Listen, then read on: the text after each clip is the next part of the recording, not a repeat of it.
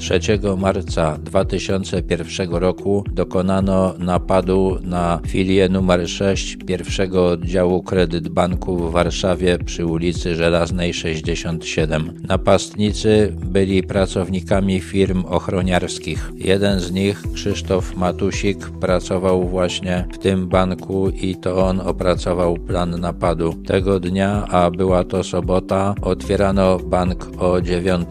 Matusik ze wspólnikami przyszedł około 8.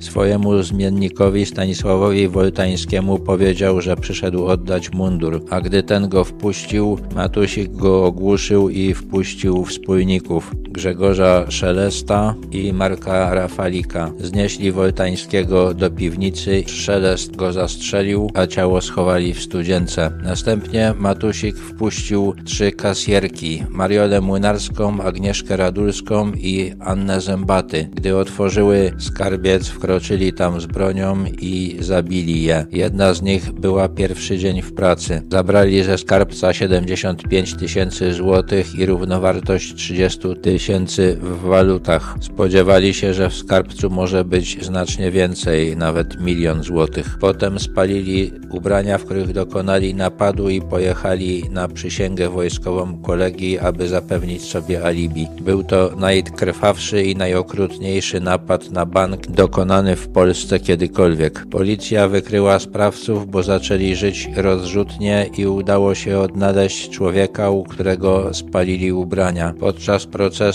nie wykazywali najmniejszych oznak skruchy. O swojej zbrodni opowiadali bez najmniejszych emocji. Jednego z nich zapytano, czy dokonałby tej zbrodni, gdyby obowiązywała w dalszym ciągu kara śmierci. Powiedział, że wtedy by się zastanowił. Wszyscy trzej zostali skazani na dożywotnie pozbawienie wolności. Szelest, który dokonał wszystkich czterech zabójstw, może starać się o zwolnienie po 40 latach. Matusik po 35, Rafalik po 25.